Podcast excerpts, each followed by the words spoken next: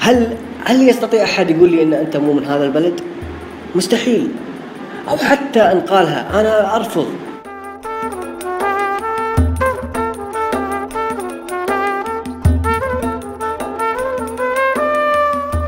حبيبتي هنا في الكويت أستطيع أن أتنفس حرية. هنا في الكويت يمكننا أن نعيش حياة جيدة. هاد مقطع من رسالة بعتها أبوي لأمي سنة 83 رسمت بمخيلتي صورة وردية عن الكويت. ولكن وقتها ما كنت عارفة عن المية وعشر ألاف شخص اللي عايشين بالكويت ومضطرين إنهم يشعروا بالغربة بشكل يومي. معكم تعالى العيسى من بودكاست خرائط اللامكان. اليوم رح نسمع من عمر عن محنته كشخص بدون جنسية في الكويت. ورح نحكي عن تحول مفهوم الجنسية من رمز للمواطنة والانتماء إلى سلعة بتتاجر فيها الحكومات لتسديد مصالح لا غير. تم تغيير اسم الضيف بحسب طلبه. خليكم معنا لتسمعوا صوت من الكويت.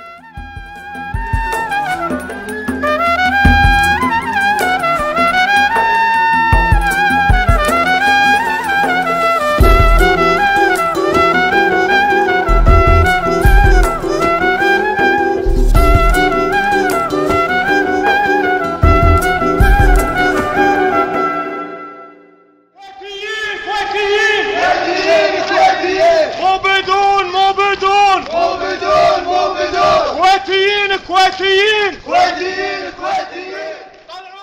إحنا نزلنا الشارع في 18 فبراير 2011 في منطقة تيماء بالجهرة. كان في موعد للتظاهر والاحتجاج لعدة مطالب. آه كانت الشعارات تؤكد أن نحن كويتيين ولسنا بدون. الشعارات أن المطلب الأساسي لنا هو المواطنة. أننا لا ننظر للكويت لأنها شركة لديها رأس مال ونحن نحاول أن ننهبها شعارات تؤكد أن البدون هم جزء من النسيج الاجتماعي الوطني. هذا عمر. عم يوصف المشهد خلال مشاركته بمظاهرات نظمها البدون جنسية في الكويت واللي بيوصل عددهم ما يقارب ال 110 ألاف شخص. ظهرت مشكلة فقدان الجنسية في الكويت منذ استقلال الدولة عن الحكم البريطاني عام 1962 يعني قبل سنة 59 ما كان في شيء اسمه جنسية في الكويت. كان الكل كويتي. أو الكل من شبه الجزيرة العربية أو الكل من الجزء. كانت شبه الجزيرة العربية عبارة عن قبائل متناثرة وشعوب مشتركة يعني ترحل وتستقر في عدة أماكن. بعد وجود الدولة والدستور أصبح وجود شيء اسمه الجنسية ليعرف من هو الكويتي ومن هو المقيم أو الوافد غير الكويتي. بهداك الوقت كانت بعض القبائل البدوية غير مهتمة بمسألة الجنسية أو مفهوم المواطنة أو مش قادرة تثبت تواجدها بالمنطقة من 1920 بحسب ما بيشترط قانون الجنسية بنفس الوقت بيعتبر عمر أنه الإحصاءات اللي أجريت لتسجيل المواطنين ما كانت شفافة أو دقيقة كانت المعايير إنه يدخل الشخص على اللجنة ويسألونه أنت شنو اسمك؟ وين ساكن؟ ومن هو اعمامك؟ ومن هو أخوالك؟ وشنو أصلك؟ بعدين هم يقرروا إن هذا كويتي ولا مش كويتي. هذه اللجان اللي وزعتها السلطة أو الحكومة هذاك الوقت آه انتشرت في كل أرجاء الكويت لإحصاء الكويتيين. ولكن في جزء لم يتم إحصاءه. قبل ال 86 ما كان في فروقات جوهرية أو اختلاف واضح بالتعامل بين البدون والمواطنين. ولكن بهديك السنة أصبحت المعاملة أسوأ وتم تغيير الصفة القانونية لفاقدي الجنسية من بدون إلى مقيمين بطريقة غير قانونية. يعني قبل 86 كان البدون يدخل الجامعة ويدخل المؤسسات ويعمل في الجيش ويعمل في الشرطة وممكن إنه يأخذ الجنسية قبل 86 لكن سنة 86 تم إيقاف كل هذا وأصبح البدون يعني ولا أي شيء.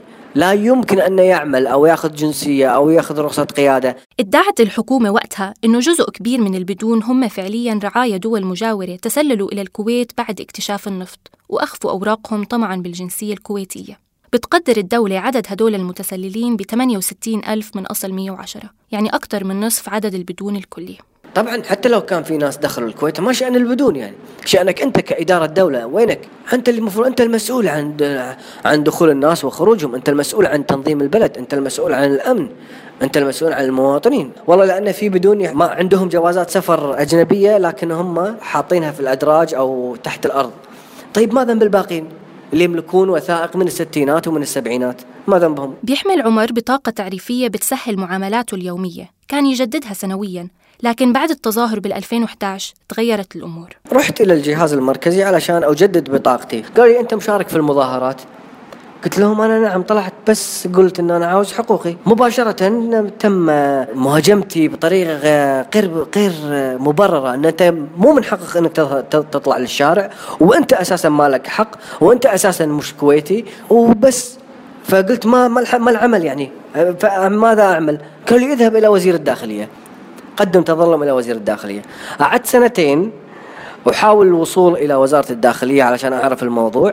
إلى آخر شيء دخلت إلى لجنة وقعوني على أوراق ووثائق وتعهدات وضمانات أن لا أتكلم في الإعلام أن لا أكتب في تويتر أن لا أشارك في مظاهرات أن لا أشارك في أنشطة تخص البدون ولا أشارك في أنشطة سياسية.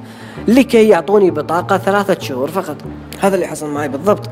يعني الآن تسكت نعطيك بطاقة. إذا ما سكت إحنا ما راح نعطيك بطاقة.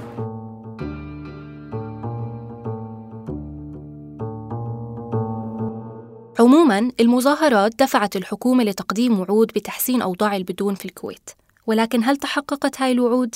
أول ما ظهرت المظاهرات بسنة 2011 مباشرة آه خرج آه، رئيس الجهاز المركزي لمعالجة قضية البدون وقال أن إحنا سوف نمنح البدون 11 ميزة. لمدة سنة سنتين آه، تم إعطاء البدون وثائق سفر وتم إعطاء الأطفال شهادة ميلاد تم إعطاء المتزوجين عقود زواج.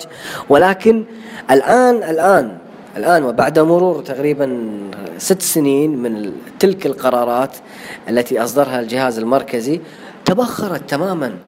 إذا بقيت المشكلة على حالها. البدون مربكين الحكومة لمطالبتهم بالجنسية والحكومة ما بدها تجنسهم. ولكن لابد من إيجاد حل حتى لو بنشتريه بفلوس.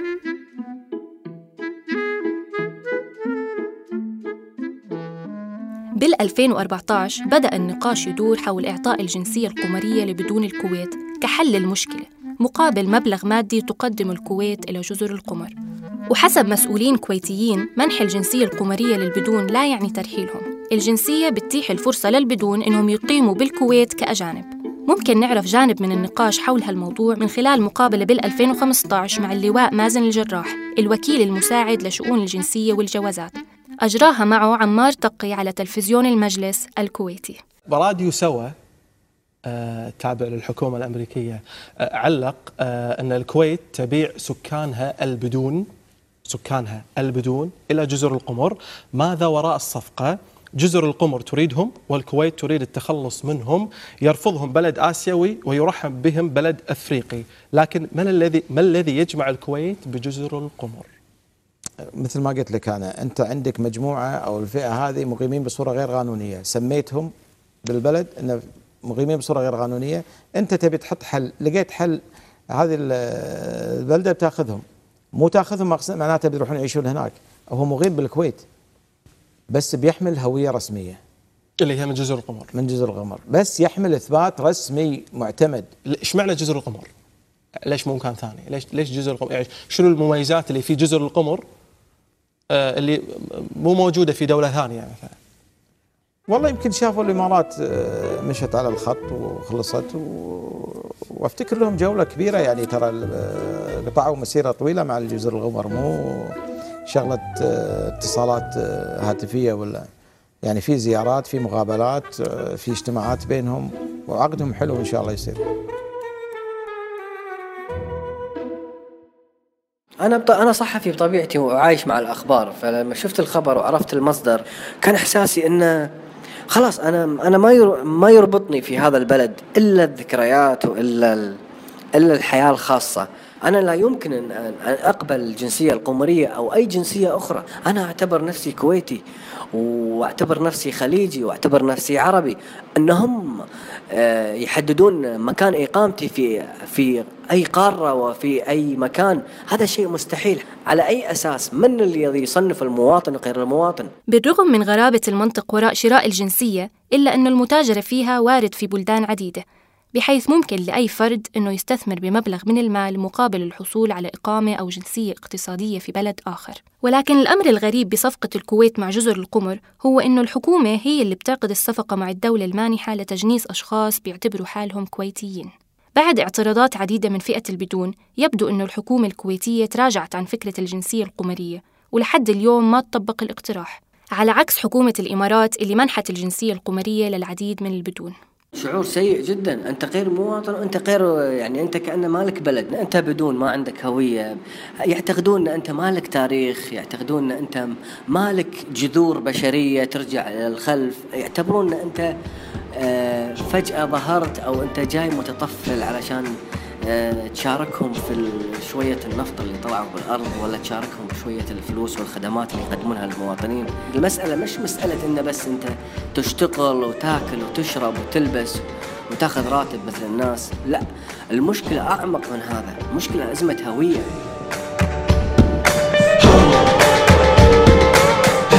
كنا معكم من الإعداد والتقديم تالا العيسى ومن الهندسة الصوتية محمد حجازي. تابعوا صفحتنا على الفيسبوك وتويتر لتسمعوا حلقتنا الأخيرة من بودكاست خرائط اللامكان.